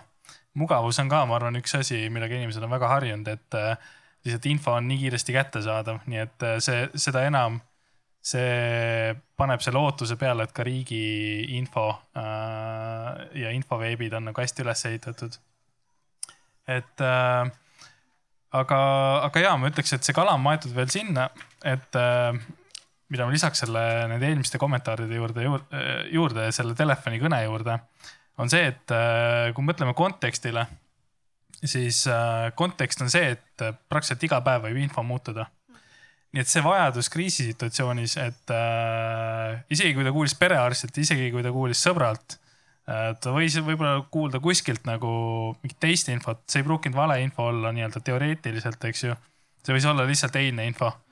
nii et äh, kriisi, tähendab koroonapandeemia ajal me kogesime seda suht äh,, suht nagu sageli, et info muutus, eks ju, reeglistik muutus, põhimõtted muutusid. ma ei tea, kas põhimõtted muutusid, aga noh, et äh, reeglid muutusid nii et äh, kommunikatsiooni mõttes nagu ma arvan, et see on juhtimisküsimus, et äh, kuidas nagu algusest peale nagu hakata lähtuma lihtsate, lihtsatest printsiipidest. kus kohas need printsiibid ei muutu, võib-olla muutuvad detailid äh, selle all. aga et ehitada seda reeglistikku üles algusest peale nii, et, äh, et see on lihtsalt meeldejääv, lihtsalt järgitav. ja ka seal äh, ja ma arvan, et see aitab, eks ju, see aitab, et kui, kui nendele asjadele algusest peale mõelda ja, ja siis äh, jah, ma arvan, et see aitab äh, ja samuti, kui sul on äh, üks, üks infokanal, et äh, ma arvan, üks, kaks, nelja, seitsme puhul on tegelikult rakendub sarnane põhimõte, et see on üks telefoniliin riigiga suhtlemisel, aga, aga digiteenustes on nii-öelda selleks mõeldud riigiportaali nii-öelda teoreetiliselt, et sa saad riigiga toimingud tehtud ühest, läbi ühe kanali et see ühe kontaktpunkti otsimine on ka inimestel justkui väga loomulik vajadus, et eriti kui neid, kes seda infot äh, loovad, on väga palju. see peaks olema kuhugi keskselt kokku juhitud, äh, milleks siis ongi kriis.ee.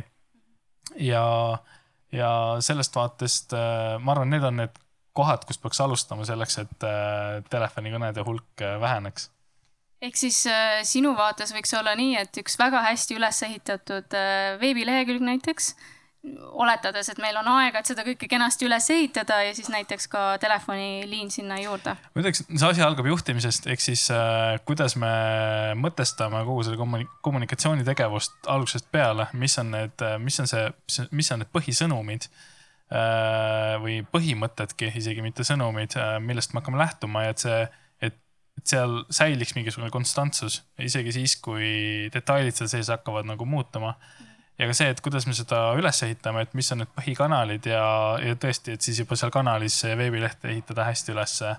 ja, ja lõpuks juhtida seda kommunikatsioonivoogu selliselt, et, et need korduvküsimused võiksid saada nagu veebilehelt vastatud nii oleks tõesti kõige parem. Ander, sa tahtsid kommenteerida või? no ma tahtsin lihtsalt alla joonida seda, et, et me oleme siin päris mitu korda on ju seda riigi kommunikatsiooni kritiseerinud ja et selle, selle üks on ju nagu ridade vahele kirjutatud järeldus võib olla see, et, et inimesed, kes seda kommunikatsiooni teevad, on nagu mingil põhjusel, neil on midagi viga. ja et, et ma tahan alla joonida seda, et see ei ole, see ei ole peamine põhjus ega isegi, isegi üldse põhjus. vaid, et on tõesti juhtimise küsimus ja, ja ma sisustaks seda veel niimoodi, et, et, et võiks küsida, et noh, et juhtimine on mõnes mõttes ressursside jagamine, et, et kui palju me paneme aega, palgaraha, eks ju ja mingite projektide raha mingite eesmärkide saavutamisse.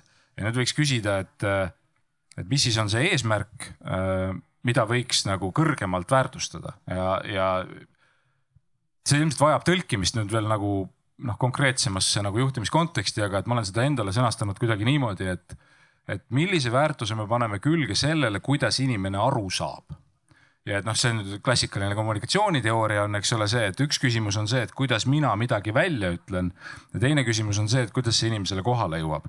ja, ja kuna kommunikatsioon on kord selline, et siis nagu hea kommunikatsioon või head lahendused, need, mida me nimetame kasutajakeskseks, need nõuavad tööd, keegi peab istuma ja mõtlema, keegi peab saama palka neid inimesi peab olema piisavalt palju, eh, kes saavad palka selle eest, et mõelda, kuidas inimesed asjadest aru saavad.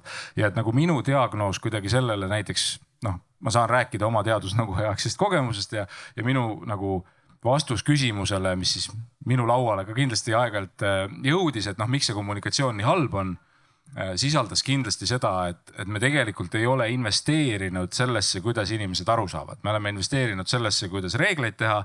me isegi oleme investeerinud sellesse, kuidas mingite allüksuste tasandil info välja saada, et all, et, et noh, et me panime sinna kodukale ja me tegime selle ja selle, aga et, et mulle tundub, et oli väga vähe inimesi võib-olla Kadri oli üks erandeid, eks ole, et, et, et kui sa tulid üsna hilja pardale, et sulle nagu anti natuke voli, et, et vaata, et sinu vastutus on nüüd see, et kuidas mingist ühest teemast nagu tervikuna keegi aru saab. Ja seda võiks teha nagu palju rohkem. Ja palju rohkem all ma ei pea silmas seda, et nagu mingid üksikud ametnikud peaks rohkem pingutama või koolitusel käima, vaid just nimelt see on juhtimise küsimus, et sellele tuleks anda ressurssi ja see ressurss tähendab äh,, tähendab nii seda, et see on organisatsiooni struktuuris sees, eks ole, et ta on otsustamis äh, nagu süsteemi väljatöötamisel arvestatakse sellega, et kui me teeme iga nädal uue otsuse, seda ei ole võimalik kommunikeerida, eks ole, et, et see, et see investeering on nagu küllaltki mitmetasandiline mm -hmm. teenuse disainerina julgen alla kirjutada kindlasti. Kadri, kas tahad veel kommenteerida või lähme järgmise kõnega edasi?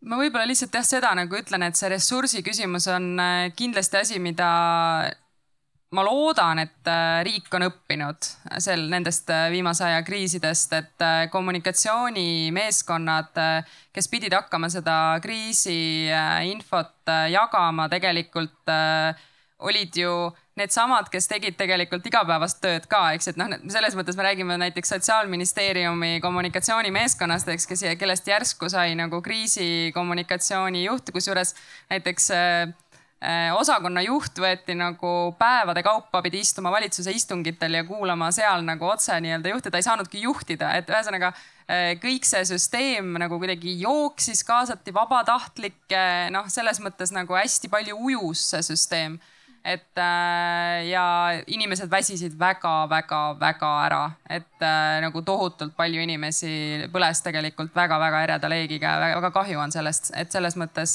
põlesid läbi. et äh, ma loodan, et nad hakkavad vaikselt taastuma, et selles mõttes ja et riik on sellest õppinud ja järgmise kriisi ajal tehakse kiiremini, et Ukraina kriisi ajal juba hakati neid samu meetodeid kasutama, võeti need staabid kiiremini kokku. Kas päris ütleme, ei saaks öelda, et ideaalselt õnnestus veel ikkagi, aga äkki järgmisega no loodame, et meil harjutamismaterjali ei tule, aga ma jälle võtan sul sõna, sõnasabast kinni, sest see kolmas kõne, mida ma teile nüüd lasen, puudutabki just äh, Ukraina sõda. ja see kõne on siis selline, kus ühel meie kodanikest tekkis Eesti julgeoleku pärast hirm ja siis vabariigi aastapäeval ta helistas üks, kaks, neli, seitsmele. laseme seda kõne ka ja Riigi Infotelefon, tere, kuidas saan aidata? tervist! mina tunnen huvi, et mis seal Ukrainas siis nüüd toimub ja kas meie riigil on ka? no vot, seda me kohe kindlasti ei oska praegu öelda, me ei oska ju ennustada seda ju sellepärast, et meie oskame, oskame natukene infot anda selle kohta, kui Ukraina kodanikud on hätta sattunud, vajavad, vajavad niisugust konsulaarabi või majutust või, või sellist või viisadega tekkinud küsimusi, aga rohkemat kahjuks me ei oska infot anda. ühesõnaga meile ei, ei ole veel ohtu? no väga südamest loodame seda et riik nagu ikka püsib, hetkel on turvaline, turvaline olla? no hetkel küll, hetkel küll, et ühes, ühesõnaga on nii nagu, nii nagu siin väidetab, väidavad eh, kõik, et me oleme NATO kaitse all, me oleme NATO-ga liitunud eh, ja rohkem me praegu nagu ei oskagi midagi selle kohta öelda, et tuleb jälgida meediat, mismoodi, mismoodi need sündmused arenevad ja kulgevad mm. -hmm. ka me jälgime kahjuks ise ka samamoodi mm. -hmm. just no selge. ja. no aga kena vabariigi aastapäeva teile. ja, ja teile samuti. head aega. head aega. selline kõne siis. ma võib-olla ei avagi küsimusega, aga tahaks muljeid. Joel, äkki alustame sinust? ja, see pani mind muigama, see tuletas mulle meelde äh, teinekord, kui ma kuulan raadiot, et siis äh, raadios nende äh, nende avatud infoliinidega või mingisuguse küsimusmängudega helistatakse sisse absoluutselt teemavälisel, noh, teemaväliselt ja lihtsalt tahetakse oma nagu äh, arvamust avaldada või mingisugusest suvalisest teemast rääkida. ja siis raadiokuulaja lihtsalt kuulab ära ja räägib kaasa ja ütleb aitäh, aitäh helistamast et see oli natukene, natukene midagi sarnast, äh, äh, kui niimoodi seda asja nagu natukene humoorikalt vaadata. aga jah, see oli see esimene võib-olla natuke kommentaar, kui võtta seda asja veits vabamalt. -hmm. aitäh ähm,, Andero, haarasid mikri juba. no hästi selline elu on värvikas, eks ole, et, et, et see loodan teie operaatorite, operaatorite tööd ka nagu rikastab, et, et juhtub siukseid kirjanduslikke seiku, et noh, tegelikult täiesti mõistetav. ja, ja pea, et mina jäin nagu mõtlema, et aga võib-olla ikkagi võiks olla riigi roll see, et noh, et, et öeldi, et jälgite meediat, et noh tea nüüd, et, et, et mis, mis nagu välbaga seal asjad tulevad ja mis võtmes, et noh, et järsku on üks koht, kus ma saan vaadata, et kas Eesti riigi mingid, mingid tunnused, mille alusel me riiki defineerime, et kas on püsti veel, et noh, et piirivalve on, on ju, politsei on. et jah, et, et see on ju täiesti mõistetav, täiesti, täiesti mõistetav ülesanne, et, et võib-olla ajakirjanik ei tea seda aga siin mingit erilist väga sügavat üldistust ma ei, ma ei oska tuua, et loomulikult on see väga hea näide sellest, kuidas nagu olukord on Eh, eks ole, murettekitav ja iseenesest on ju vahva, et inimesel tekib muuhulgas idee, et ma haaran selle telefoni ja küsin sealt ka üle. ja vabandust, mu üldistus oleks olnud see, et inimene tahab lihtsalt rääkida, aga äh, ei tu-, jah mulle tundus isegi, et see on nüüd minu analüüs muidugi, aga, aga mulle tundus, et siin me võime tagasi minna sellesama punkti juurde, mis Andero, sa varem välja tõid, et ühtepidi sa kannad seda infoandja rolli, mida see operaator tegi väga hästi. et äh, väga konkreetselt, noh, meil ei ole seda infot, me kahjuks ei saa öelda, aga NATO-s me oleme, et, et noh, me ei saa rohkem järeldada ja ennustada me ka ei saa, aga üsna tugevalt oli tunda helistaja poolt seda ootust, et aga paku mulle seda emotsionaalset tuge, mida ma kusagilt mujalt võib-olla praegu ei leia, et, et mis mõtted, mis mõtted, Andero, sul selle peale tekivad? ma olen nõus sellega, jah. ja ma ei tea, see võib-olla on nagu ülepsühhologiliseerimine, aga jah, et see, et, et ma helistan riigile, et noh, ma võiks ju helistada kõigile oma tarkadele sõpradele. aga et mul on võimalus helistada oma riigile ja et praegu on see koht, kus on, ma vajan oma riiki, eks ole, rohkem kui kunagi varem. et äh, ja, ja ma pean selle peale rohkem mõtlema. mõtle, ma lähen siis Kadri juurde edasi, et mis muljed sul tekkisid selle kõne peale? sa küll olid vaktsineerimisega seotud, aga kriisikommunikatsiooni vaates sul on rohkem kui küll kogemust ja selles mõttes äh, kriisikommunikatsiooni üks esimene reegel on äh, selline, et ole, ole aus, ole avatud, äh, aga ära spekuleeri. et selles mõttes see on ka nagu huvitav minu arust mõte, et, et noh, me kõik ilmselt küsisime endalt sel päeval seda sama küsimust ja, ja kõik me saime nagu mingisugused vastused, mis me ise tuletasime, ilmselt paljud meist siiski ei helistanud riigi infotelefonile ega ka võib-olla kaitseväelastest või sõjaväes olevatest sõpradele, onju. me üritasime ise nagu midagi välja mõelda ja mingi võib-olla tõesti meedia põhjal, ma ei mäleta, mis poliitikute sõnumid sel hetkel olid, ilmselt olid ikkagi, et meie, meil on kõik hästi, eks ju, et me oleme, ei ole ohus. ja sel päeval oli ju meil äh, see paraad, eks ju, mis oli väga tõsine, ma arvan, et kõik inimesed vaatasid ja, ja väga selline emotsionaalne päev oli see kõigi jaoks, et, et noh, mida sa riigina seal ka saad öelda, et noh, sa saadki teha jah, põhimõtteliselt ma arvan, poliitikute tasandil näiteks kommunikatsiooni, eks ju, et, et inimesi nagu öelda seda, mida sa tead, eks ju. no sa saad põhimõtteliselt öelda, et isegi kui sa tegelikult ütled, et me täna ei ole ohus või täna on kõik okei okay., ma ei tea, kas see on sada protsenti õige või mitte tegelikult, et sa võib-olla ikkagi juba võtad seal mingisuguse rolli, et sa spekuleerid tegelikult, sest sa lõpuni, no on luureinfo nii edasi, mida sa kas saad jagada või ei saa, eks ju, aga, aga ütleme kommunikatsiooni inimesena vähemalt on kindel see, et sa ei saa siin nagu midagi põhjapanevat ise öelda, onju, et ametlikult välja anda jah, ametlikult ei saa, aga siis me tuleme otsapidi tagasi selle inimliku poole peale, et, et mul on hirm, on ju, et mis mu riigis saab, mis minust saab, mis mu lähikondadest saab. et kuivõrd hirmu rolli peaks või hirmu võimu peaks arvesse võtma kriisikommunikatsioonis? ma arvan, et seal ongi see inimlikkuse pool, et sa ütledki, et äh, ma saan su murest aru. et äh, me kõik oleme mures. Äh, me kõigil on samad küsimused ja ja ütledki seda, mida sa saad öelda, aga, aga kui sa nagu kinnitad äh, noh, ma ei tea nüüd, ma mõtlen, mis tasandil, eks ju, kommunikatsioon on ka hästi erinev, eks ju, üks asi on, mida ütleb näiteks peaminister või mida ütleb president, eks ju. Nende roll ongi ühiskonnas äh, eriti ütleme, kui me, neil on ka veel erinev, eks ju, aga no presidendi roll näiteks ongi meil olla selline nagu äh, äh, tugi, tugisammas, eks ju, äh, natuke ka ikkagi inimeste poole rohkem. peaministri roll on jälle olla nagu hästi konkreetne, temal on kõik see luureinfo, tema teab kõike seda nagu telgitaguseid, tema roll on jälle äh, ka kinnitada, aga mitte nagu liiga palju lubada ilmselt on ju. et noh, selles mõttes hästi-hästi keeruline küsimus minu arust, mm. et äh, ma ei tea, võib-olla teistel on äh, mõtteid, mida oleks pidanud siis ütlema või mis oleks olnud õige kas tohib provokatiivse küsimuse küsida?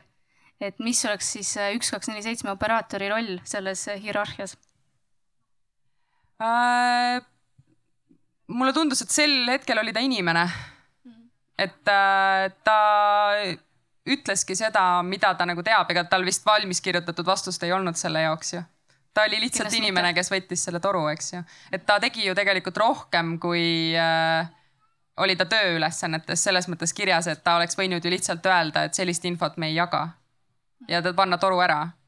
aga ta rääkis NATO-st, ta rääkis äh, mõtetest äh,, ta rääkis, ma ei tea, meediast, mis iganes, noh.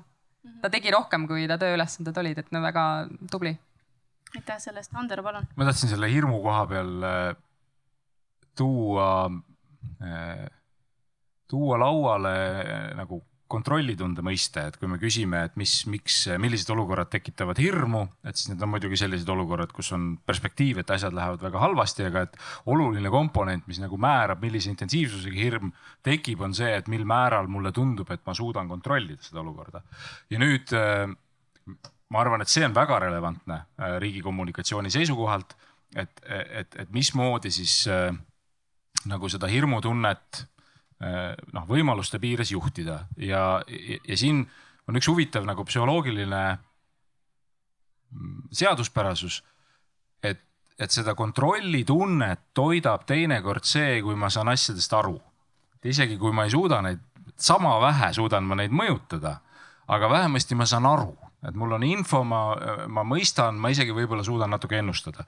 ja ma arvan, et, et noh, sageli sihukeses heas kriisikommunikatsioonis, mida me näeme, eks ole, on see, et, et inimesed ei paku, eks ole, ennustusi, küll nad pakuvad seda infot, mis neil on, millest Kadri rääkis. ja ma arvan, et see mõjub rahustavalt läbi selle, et see suurendab inimeste sihukest nagu ennustamise ja, ja mõistmisvõimet selles olukorras. aga, aga ma kindlasti ühesõnaga mind nagu kõnetas selles, selles Kadri sõnastuses ka ikkagi see, et kui raske on äh, võimupositsioonil olijal, eriti sellisel võimupositsioonil olijal, kes tahaks teistele meeldida, nagu näiteks poliitik või, või muidu niisugune pehme inimene. vastu seista sellele, et ma, et ma võtan sult selle koorma ära, et ma ütlen, et on hästi äh, ja, ja et ja see on ohtlik, eks ju, sellepärast et ta, et ta õõnestab tegelikult seda usaldust. Ja võib-olla ta on ohtlik ka, ka teises mõttes, et, et ta võib pikaajaliselt natukene nagu seda, seda rollisuhet, millest me oleme täna paar korda rääkinud nagu rääkinud kodaniku ja riigi vahel. ta võib seda viia balansist ära selles suunas, et ikkagi kodanik tunneb, et ta on laps on ju ja tal on lapsevanem, et ja, ja sellega hakkavad kaasnema kõik mit, väga paljud niisugused mittesoovitavad nagu järelmid, et siis ma ootangi, et mulle öeldakse, mida tohib ja mida ei tohi ja kõik, mida mis ei ole otseselt keelatud, on lubatud ja, ja ei ole minu asi mõelda oma peaga. ehk siis, et mulle tundub, et need asjad on ka tegelikult omavahel natuke seotud, et see mil määral kriisiolukorras riik võtab sellist lapsevanemlikku ära muretse, meil on asi kontrolli all, ma ei jaga sulle seda tausta, sa ei peagi teadma, lihtsalt ära muretse. et mida rohkem riik võtab seda rolli, seda raskem on tal mingil järgmisel hetkel, kui ta tahab, et tegelikult inimesed võtaks ise vastutuse, seda vastutust nagu äh, ärgitada mm. -hmm, väga hea point. ma kasutaksin võimalust küsida sult ka provokatiivse küsimuse siis, et eh, kui me vaatame nüüd eh, spetsiifilisemalt eh, sotsiaalvaldkonna poole või siis psühholoogide poole või hingeabi telefoniliinid, et kas, kas see kõne läks õige telefoniliini peale? ma jään ikka selle juurde, et see on väga mõistlik küsida, et kui riik on nagu löögi all, et küsida, et kuulge, kuidas sul läheb, et oled sa püsti veel? et äh, et psühholoogile võib ka sellisel juhul helistada, aga, aga psühholoog, noh, tema ei hakka NATO-st ka rääkima, tema ikkagi räägib, et kuidas, et mis tunde see sinus tekitab, Ukrainas on sõda ja. ja võib-olla aitab sul aru saada, eks ole, sellest, et sul on siin kontrollimatuse tunne ja võib-olla keskenduda sellele, et asjadele, mis sa elus kontrollida saad, et. et see loomulikult on nagu inimesele, inimesele kasulik, kui ta tõstaks ka usaldustelefoni selles kriisisituatsioonis ja tegelikult on vaja noh. ja see on omaette teema, millest mina liiga palju ei tea, aga, aga et ka kõik hingeabi, eks ole, kanalid kanalid said tugevama laine ja, ja, ja tegid oma tööd ja järgmiseks kriisiks valmistudes me peaksime selle peale ka kindlasti mõtlema. kui me räägime nüüd digiriigi arengust ja kriisisituatsioonis teenuste arendamisest, et, et kas, kas ja kuidas, me oleme ikka otsapidi algu, jutu algusest tagasi, et kas ja kuidas peaks siuksed tugevad emotsioonid olema ka sisse ehitatud sellesse, kuidas me riigina kodanikele abi pakume, teenuseid pakume, et ähm, mis sinu seisukoht on? ja ma usun küll, et on ja võib-olla ka lähtuvalt sellest vajadusest, äh, mis murega inimene pöördub või, või mis ta nagu emotsiooni tase on, et siis vastavalt sellele siis äh, äh, rakendada siis mingisugune suhtlusviis või, või see kommunikatsioon, mida vaja on. võib-olla siin toon, toongi äkki pilti mõned mõtted lihtsalt, kuidas tehnoloogia võiks nagu Äh, selles nagu mingit rolli omada. et äh, äh, noh, ühest küljest, mis puudutab nagu riigi infotelefoni omamist ja siis et kas siis seal vastas on inimene või tehnoloogia, et siis äh, meil tänavu sulg äh, digiteenuste konkursil pälvis auhinna siis äh, Neurokõne, mis, mis on äh, seni siis kõige paremini arendatud eestikeelne kõnesüntees äh,, mis siis pakub kuue, kuut erinevat äh,, kuue erineva hääle ja äh, tonaalsusega siis äh, sellist äh, text-to-speech lahendust, ehk siis äh, ja, ja see kvaliteet on küllaltki hea, ehk siis äh, võib juba öelda, et nagu me oleme päris hästi hakkama saanud, me oleme päris kaugel sellega, et, et kuidas, et, et robot võiks sinuga intuitiivselt või nagu loomulikult suhelda. Et ühest küljest äh, see võimekus tehnoloogiliselt on meil nii-öelda tulemas või isegi juba mõneti olemas äh, eesti keeles. teisest küljest äh, üks teine mõte, mis, mis on tekkinud selles osas, et, et kas siis peaks kuidagi emotsiooni rakendama või, või mida hirmu emotsiooniga teha, siis ma ei tea isegi, mis tehnoloogiad on täna häirekeskusel mm, ehk siis üks, üks kahel kättesaadavad või kasutusel. aga, aga kindlasti on neid tehnoloogilisi lahendusi olemas, kus, mis suudavad ära tuvastada inimese emotsionaalse taseme ning äh,, ning hinnata, et äh, kuidas sellele reageerida, et see võiks olla osa sellest abistavast tööriistast, kes, et kõige parem lahendus sünnib siis, kui panna tegelikult, äh, kui kasutada ära tehnoloogilist potentsiaali ja panna see inimese heaks tööle. antud, antud juhul siis nõustaja heaks tööle ehk siis, kui ta tuvastab ära äh, selle inimese emotsionaalse taseme või, või, või mis komp psühholoogilised komponendid seal taga veel nagu on ja annab ka nõustajale vastuse, et kuidas siis sellises olukorras äh, vastata, siis äh, äh see oleks nagu üks äh, lahenduse pool, kus kohas tehnoloogia aitab seda nõustajat siis äh, paremini, paremini selle olukorraga toime tulla. Ja, ja teine pool on võib-olla seesama, et kus meil seesama kõnerobot võib tegelikult suhteliselt intuitiivselt inimesega juba rääkida ja kas siis vajadusel lülitada inimesele äh, see kõne ümber või siis mingite olukordadega ise tegeleda. Äh, nii et äh, sellised, sellised mõtted, aga lühi, lühidalt ma usun küll, et emotsioon peaks olema juba arenenud tehnoloogia juures. see, kus me räägime nii-öelda sellise robotiga, kes nagu meil kolmkümmend aastat tagasi võib-olla, eks ju, oli Äh, ja nii-öelda meie lapsepõlve arusaam sellest, kuidas, kuidas robot räägib, et see kindlasti ei ole see enam, kus me täna oleme ja kus me tulevikus oleme. et äh, me ei pruugigi enam vahet teha, et kas meiega räägib inimene või, või robot äh, lihtsalt kuna, kuna see tehnoloogiline tase on lihtsalt juba niivõrd arenenud et sina risti ette ei löö, et tulevikus sellise kõne puhul näiteks vastab siis kõnesüntees hoopis? Jaa väga põnev. tõepoolest, tegelikult on olemas küll sellised lahendused, kus äh, saab ära tuvastada, kas inimesel näiteks on infarkti oht. et ta küll ütleb, et siin on võimalik, et on infarkti oht, et saab kuidagi häälest aru. Äh, jällegi selleks, et toetada siis äh, päästekorraldaja ehk siis üks, üks, kahe vaates päästekorraldaja tööd. ja olen ka kuulnud sellisest variandist, kus tõesti annab, ähm, süsteem annab ka siis vihjeid sellele, et võta nüüd rahulikumalt või räägi nüüd rõõmsamalt, et noh, sellised asjad on olemas, aga need on veel katsetamise asjad, et kuidas need äh, meie kultuuri konteksti ja, ja muidu ka sobituvad. et äh, seal on palju põnevat. nüüd me oleme peaaegu lõpusirgel et ma tahaks teil lõpuks äh, kõik teilt küsida ühe küsimuse ja see on see, et kas tulevikus võiks üks, kaks, neli, seitse või või info, riigi infotelefon olemas olla või, või võiks olla see hoopis robot või miski muu? ma alustan Joel sinust, sest ma kahtlustan ja ma, ma tean su vastust ka ja ma võib-olla osalt isegi puudutasin seda oma selles äh, viimases vastuses ka, et äh, ma kujutan ette, et tulevikus inimressurss muutub üha enam hinnalisemaks, et äh, nii et siis äh, ma alustaks sealt, et äh, see kommunikatsiooniahel ja need kommunikatsioonikanalid peavad kindlasti olema nagu terviklikult juhitud. et äh, see, et see, et, äh, et me noh, tänane olukord, kus kohas äh, kus me kasutame ikkagist infotelefoni põhimõtteliselt ainult inimesega suhtlemiseks või niimoodi oma vastuse kättesaamiseks inimeselt, ma arvan, et see kaob tulevikus, see väheneb tulevikus. et inimene peaks saama vastuse kätte nii info nagu äh, tähendab veebilehelt, infokandjalt.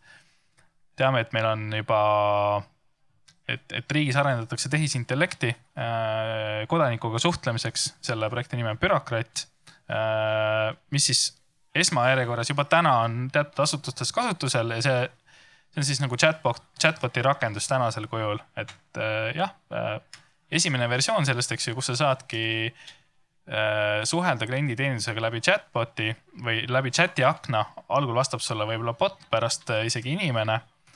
Ja see asi areneb edasi kuni sinnani, et me suhtleme riigiga äh, nagu me täna suhtleme Siriga või Alexaga et see on see, see on see suundumus, kuhu me liigume, nii et selles kontekstis tõepoolest võib-olla isegi sinu vajadus äh, veebilehti ja infot äh, või kui tekste lugeda kaob ära.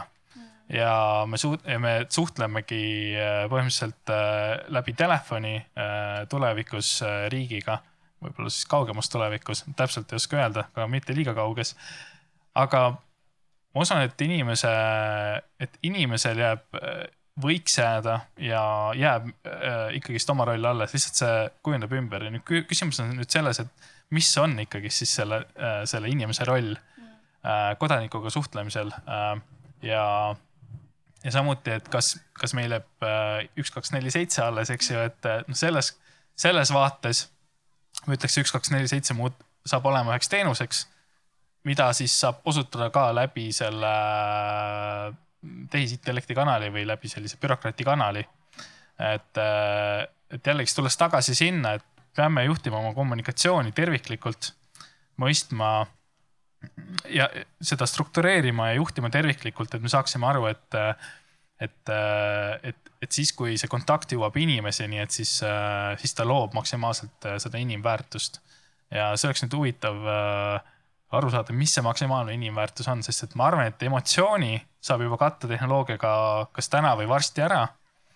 Äh, tehisintellekti läbi süsteemid muutuvad väga targaks. ja, ja kui me kujutame ette olukorda, et me tegelikult ei pea enam tekstiveebe lugema ja, ja, ja nii-öelda läbi ka selle teksti sünteesi suudab see tehisintellekt sulle kiir, palju kiiremini anda vastused kätte, kui sa küsid talt kui see, et sa lähed seda ise otsima ja meil ei ole selleks inimest vaja mm. -hmm. siis küsimus, mis on selle inimkontakti suurim väärtus mm? -hmm. et võib-olla saab kuulda teiste panelistide arvamusi. Andero, kas me jääme tulevikus alles? Ja ma arvan küll, et võiks jääda alles, et äh, sind kuulates mulle kangastub küll visioon mingisugusest siuksest aknast, on ju, kuhu ma saan vaba tekstiga kirjutada oma küsimuse, mis siis nagu lõikab ära ka selle vajaduse, et ma üldse lähen kriis.ee-le mingeid alamenüüsid otsima, eks ju.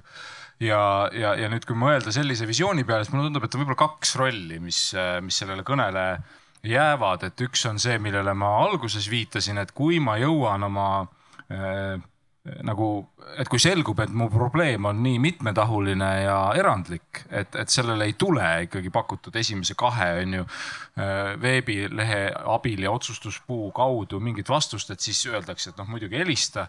ja siis võib-olla teine on see, et, et, et noh, et ilmselt tekib ka nagu sellesama hästi integreeritud ja, ja tehisintellekti põhise süsteemi nii-öelda kasutaja toe vajadus, et, et, et üks variant on mõelda seda, sellest, et inimene on selle jada lõpus, eks ju, et kui sa oled kõik läbi teinud, aga et noh, võib-olla on inimest vaja mõnele kasutajale ka selle jada alguses, võib-olla ainult esimest korda, et, et saada nagu ree peale, et õppida kasutama neid võimalusi.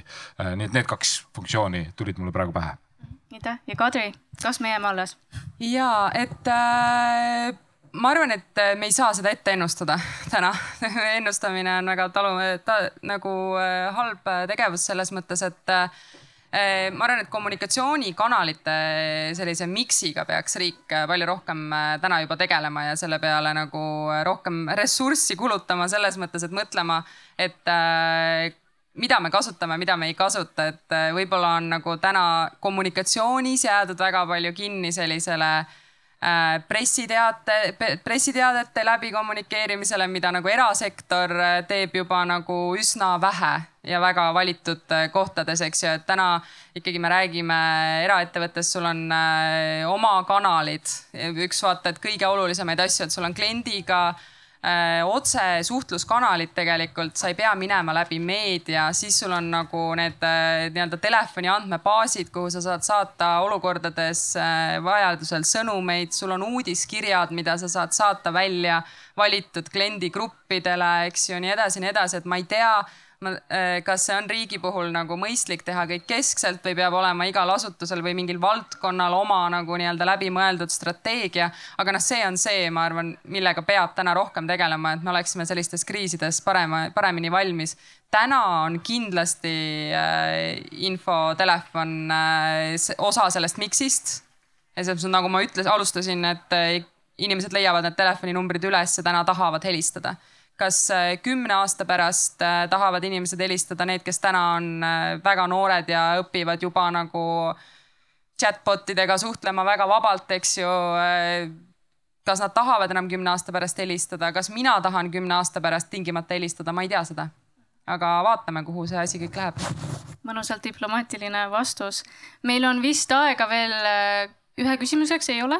olgu. tegelikult ei ole, aga ma arvan, et ei ole vist ei ole vist keelatud see küsimus, lasta viis minutit üle. Nonii, kas publikul on veel küsimusi? jaa. ei jaa, palun. jaa, jaa, palun.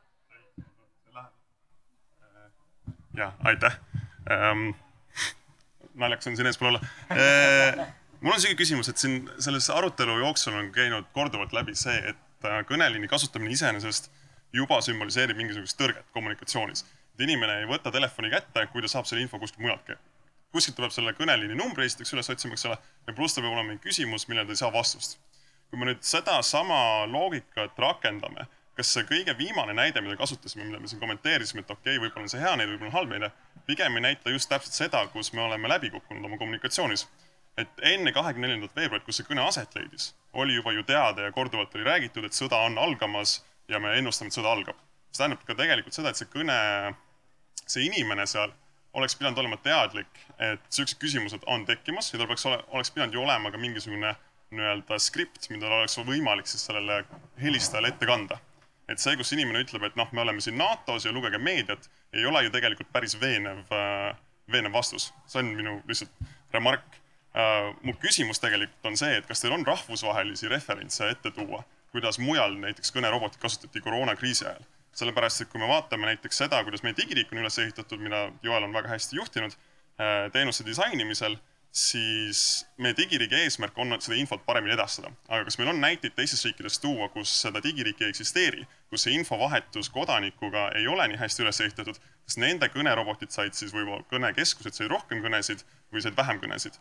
Ja üks küsimus sinna juurde, kas teil on ka mingisuguseid õppetunde Ukraina sõjast äh, ja kuidas see mõjutab infoliinide kasutust? nii et kaks küsimust ja üks repliik üldiselt, aitäh. kes julgeb vastata?